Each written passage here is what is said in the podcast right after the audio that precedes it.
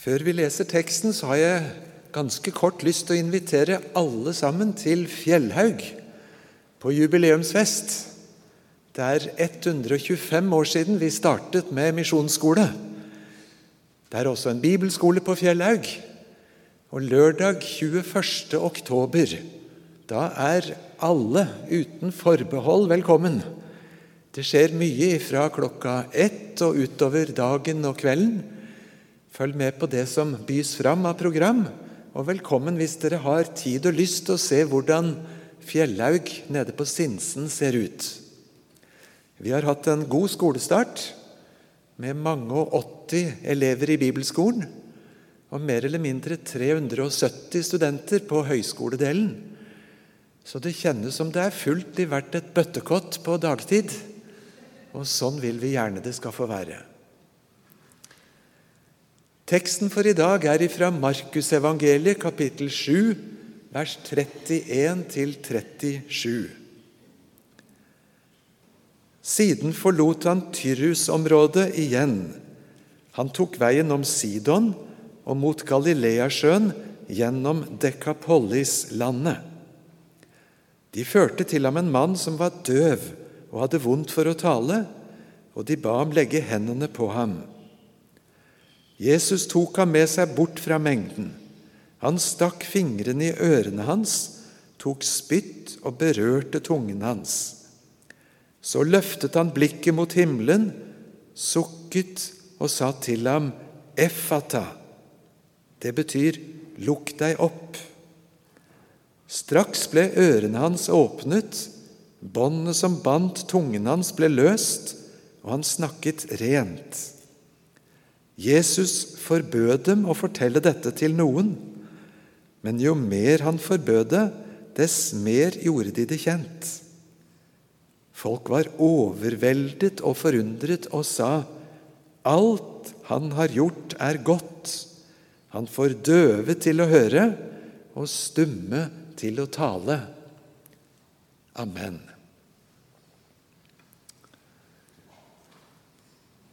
Først et lite par merknader om geografi. Jesus var jøde. Født i Betlehem, vokste opp i Nasaret, som er lenger nord i Galilea. Og det aller, aller meste av livet sitt så holdt han seg innenfor de områdene vi vil kalle Israel. Har dere tenkt over det? Jesus som så tydelig ga misjonsbefalingen. Han holdt seg i hjemlandet såpass konsekvent at i den grad han krysset grensen, så var det omtrent som vi som syns vi har vært utenlands når vi er en tur i Strømstad. Det er ikke stort lenger utover grensene han tøyer det, men akkurat i dag er vi ved disse grensene. I versene før så har vi fått høre om at Jesus møtte en kvinne som åpenbart ikke var jøde. Hun snakket gresk, men var ifra syro-fønikisk område, står det. Da er vi i Libanon, like nord for Israel. Og det blir et poeng. For når den kvinnen ber Jesus om å kaste den onde ånden ut av datteren hennes, så ser det ut som om Jesus i første hånd avviser henne. Med egentlig ganske skarpe ord om at det er ikke rett å ta maten fra barna og gi det til hundene. Men så griper hun tak i Jesus og indirekte bekjenner seg å være en hund som ikke sitter pent til bords. Og Hun sier at hundene får jo også noen smuler når det faller noe ned ifra bordet. Gi meg, Jesus, noen smuler. Og så fikk hun det tilsynelatende en veldig lite åpen tekst i forhold til misjon. Og Så får vi høre at Jesus kommer tilbake inn mot landet sitt, men så krysser han over ved Genesaretsjøen, eller Galileasjøen, og kommer på den andre siden av Jordanelva, inn i det området vi i dag vil kalle Jordan. I et område som heter Dekapolis, og det betyr ti byer. Og Det er et gresk navn som forteller litt om hvordan folk vandret, og hvordan også disse områdene var blitt sugd inn i den vestlige verden, etter at først grekerne hadde lagt verden under seg, og siden Romerriket. Og Der i disse områdene der det sikkert var en del jøder, men kanskje et flertall ikke-jøder, der hender det som vi får høre akkurat nå. Og la oss se litt nærmere på hvordan Jesus møter dette mennesket, og legge merke til noen trekk som fortelles om selve hendelsen. Det første jeg merker meg, det er at det står at de førte til Jesus en person sånn og sånn, og de ba ham om å legge hendene på ham. Hvem disse menneskene er, det får vi ikke høre. De er som så mange andre evangeliene anonyme. Og likevel så er de et stort forbilde. For de førte ham til Jesus. Kanskje husker vi fortellingen om han som ble firt ned gjennom taket på ei båre. Der var det fire kamerater som bar ham, og som fikset det på denne merkelige måten. Og Der får de faktisk en såpass framskutt posisjon som at det står i teksten at da Jesus så deres tro, sa han slik og slik til den lamme. Det ligger en tro i det å bære noen til Jesus. Og Når Luther taler over den teksten, så bruker han nesten hele prekenen sin til å snakke om hva det er for en velsignelse å få lov til å bære våre til Jesus. Slik vi får gjøre det med de små i dåpen. Slik vi får gjøre det bokstavelig og etter hvert mer kanskje overført.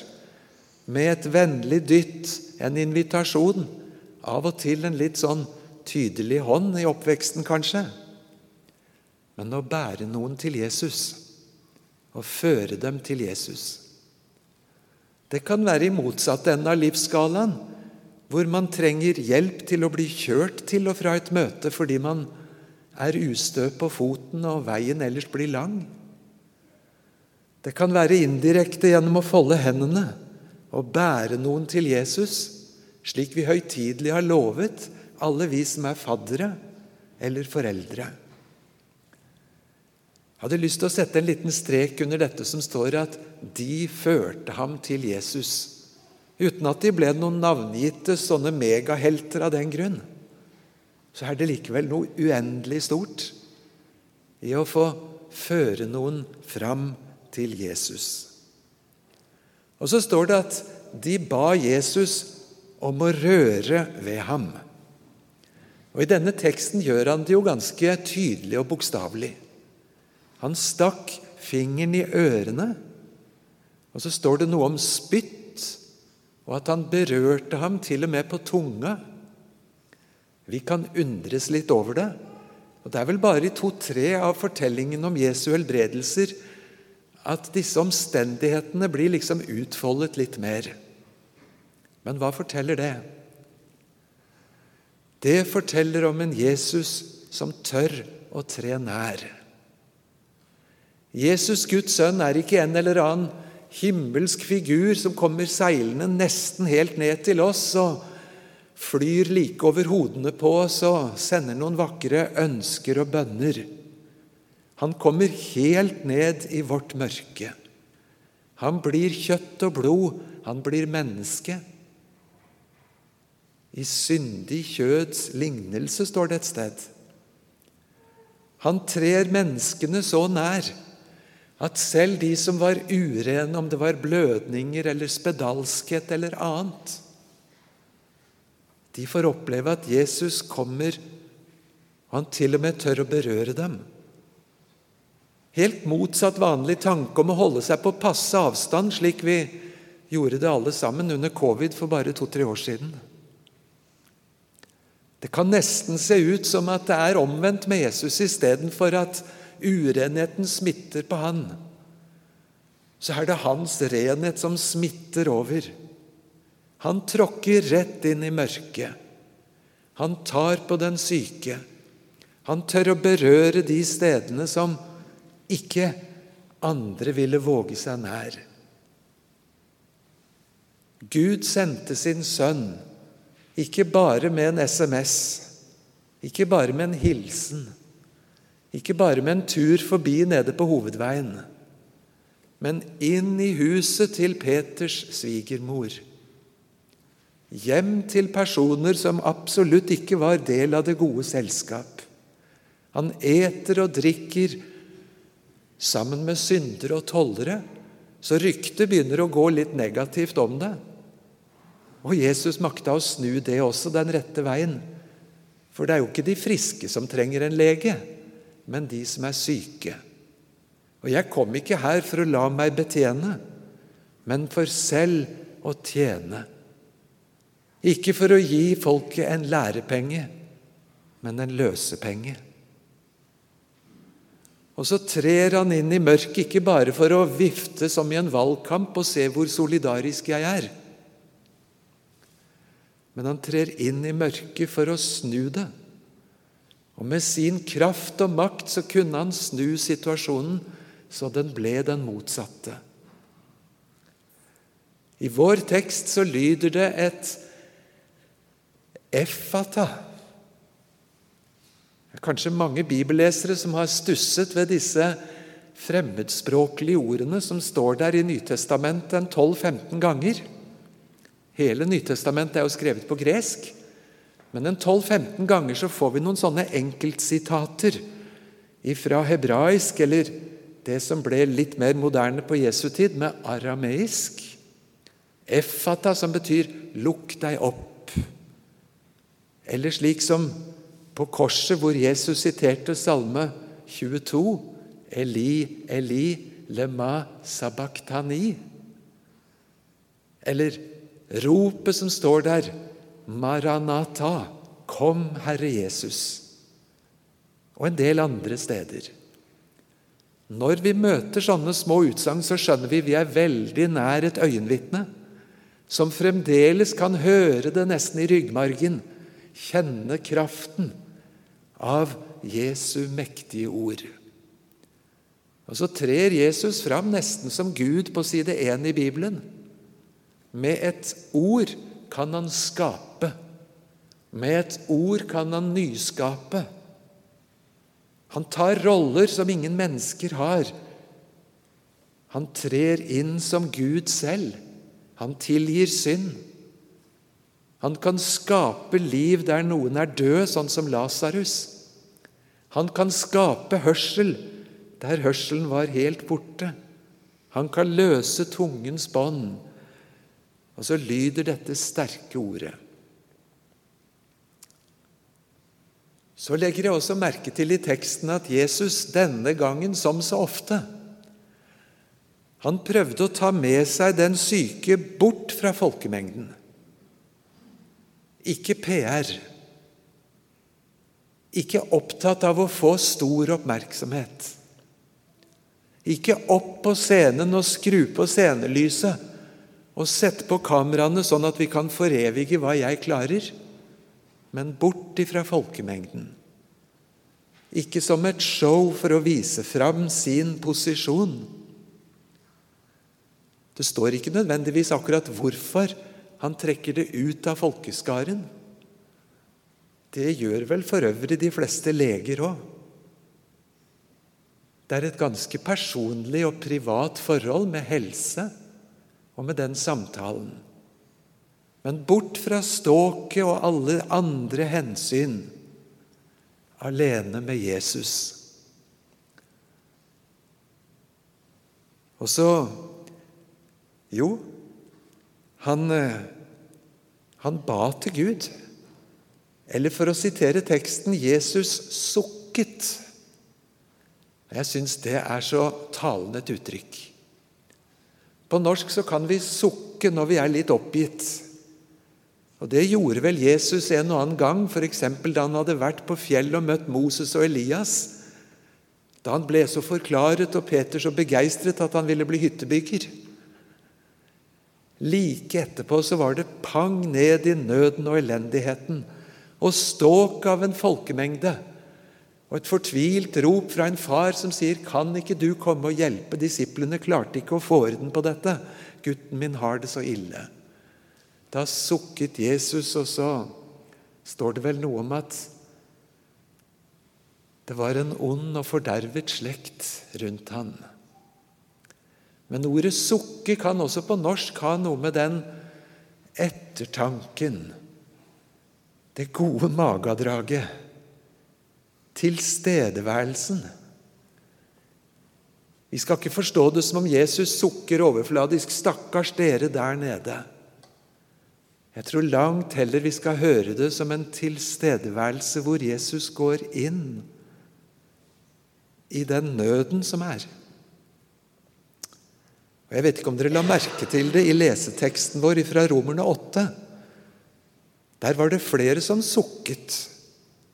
Først så står det om at hele skaperverket de sukker og stønner til sammen.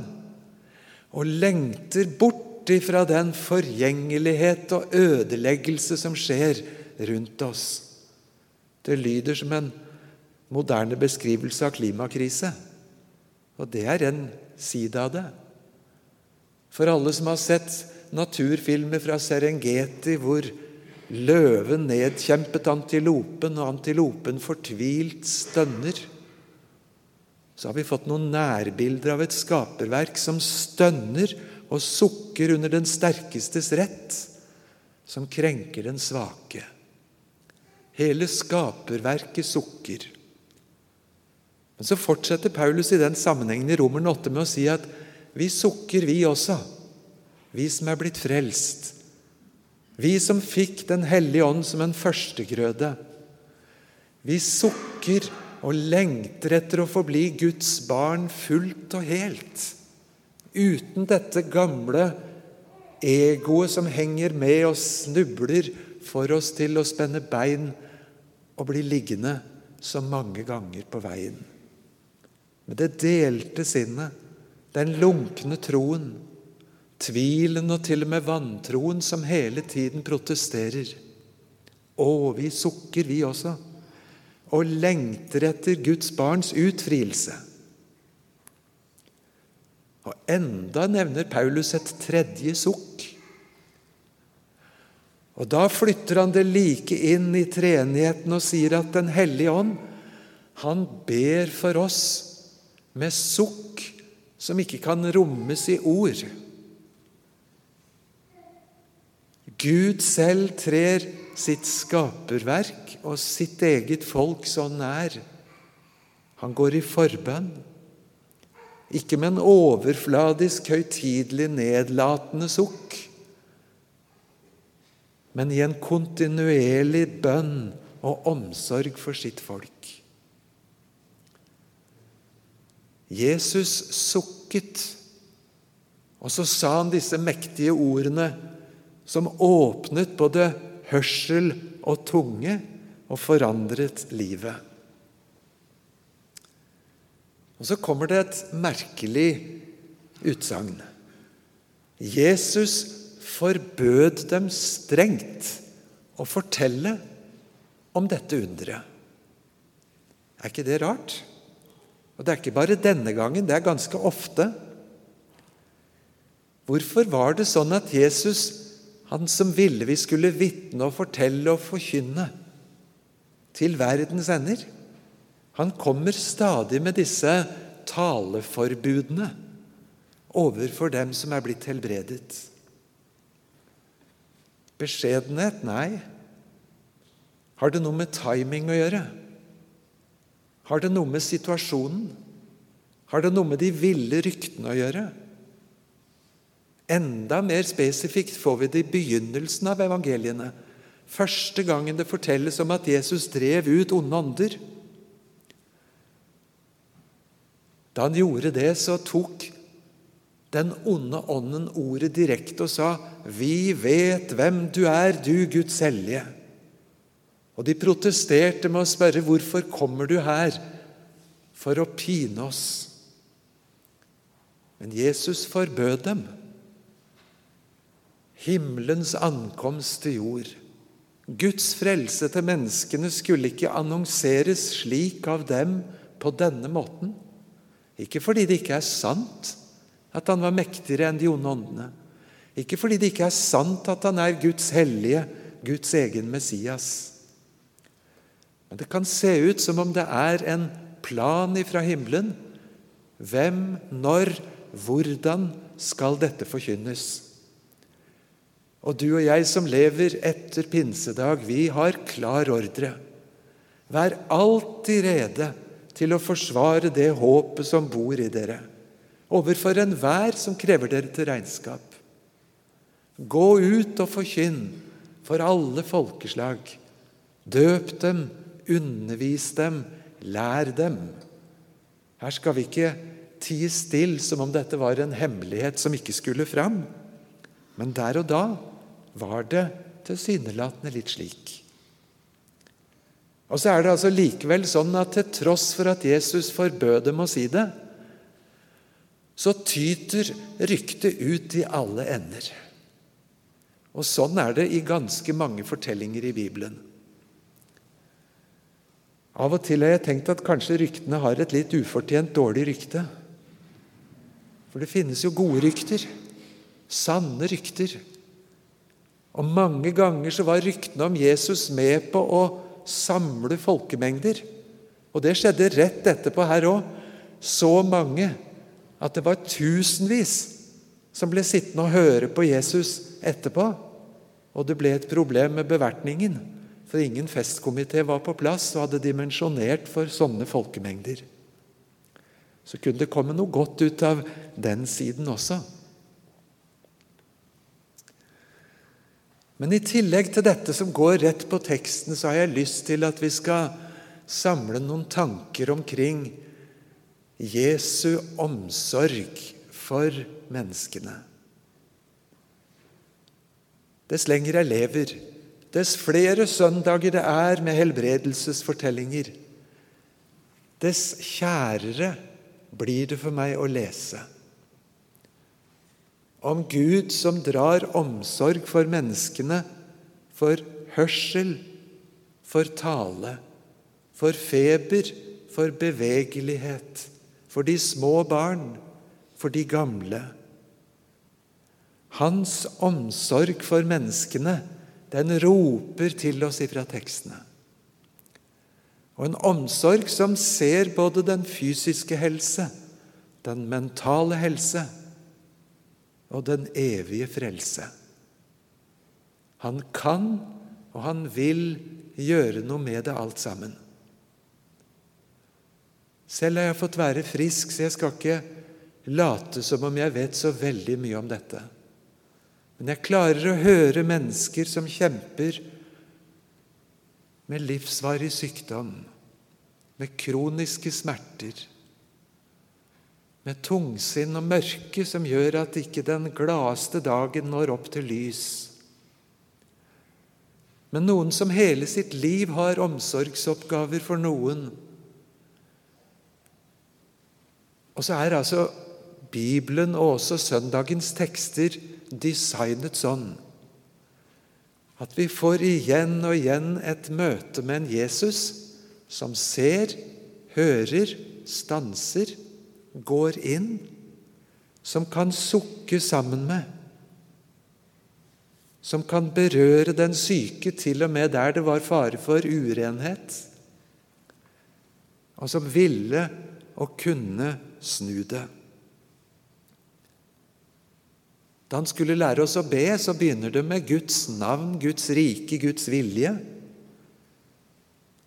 Og Når bønnen vender seg til den enkelte av oss, så begynner det med det daglige brød. Og så fortsetter det med våre synder, fristelsens fare, den ondes angrep, og med Guds ære. Hører du hvor riktig og naturlig det hører sammen? Det daglige brød for kropp og helse, familie og hverdag. Og det store regnskapsansvaret overfor den hellige Gud. For Gud er en Gud som favner bredere. Det var Han som skapte verden. Han skapte mennesket ikke bare som et stativ til hode og hjerne, Men han skapte en hel verden som lærte oss å be en bordbønn og legge det i Guds gode hender og få hellige alt som hører med ifra Hans gode hånd. Når Gud er allmektig, kunne han ikke da sørge for at troende mennesker slapp å bli sjuke? Jo, det kunne han. Kunne han ikke i dåpens bad eller i frelsens hellige ånd lagt en livsvarig immunitet imot covid og alt som kunne være farlig? Jo, det kunne han. Kunne han ikke immunisere alle Guds barn imot enhver fiende? Jo, ut fra sin makt så kunne han. Men han har altså ikke valgt å gjøre det. Tvert imot så underviser Jesus oss og sier at Gud i himmelen i sin godhet så lar han sin sol gå opp over gode og onde. Han lar det regne over rettferdige og urettferdige. Og sånn kjenner vi livet, gjør vi ikke det? Den samme influensaen som smitter den ufrelste, kan smitte den frelste. Den samme tyngdeloven som brutalt møter deg når du snubler ned trappa, den virker for den troende likevel som for den vantro. Det er ikke slik at Gud ikke på noen måte drar ekstra omsorg for sine. Vi får lov å be for mat, helse, økonomi, sykdom, skoleopptak, forelskelse eller hva det måtte være i livet. Men det er altså ikke selvbetjening i Guds allmakt på den måten at Guds folk bare plukker til seg alt de vil ha, som i en godteributikk. Vi har allerede fått ta imot av frelsens frukter. Men vi er ennå ikke der hvor vi er fri fra alt det som begrenser.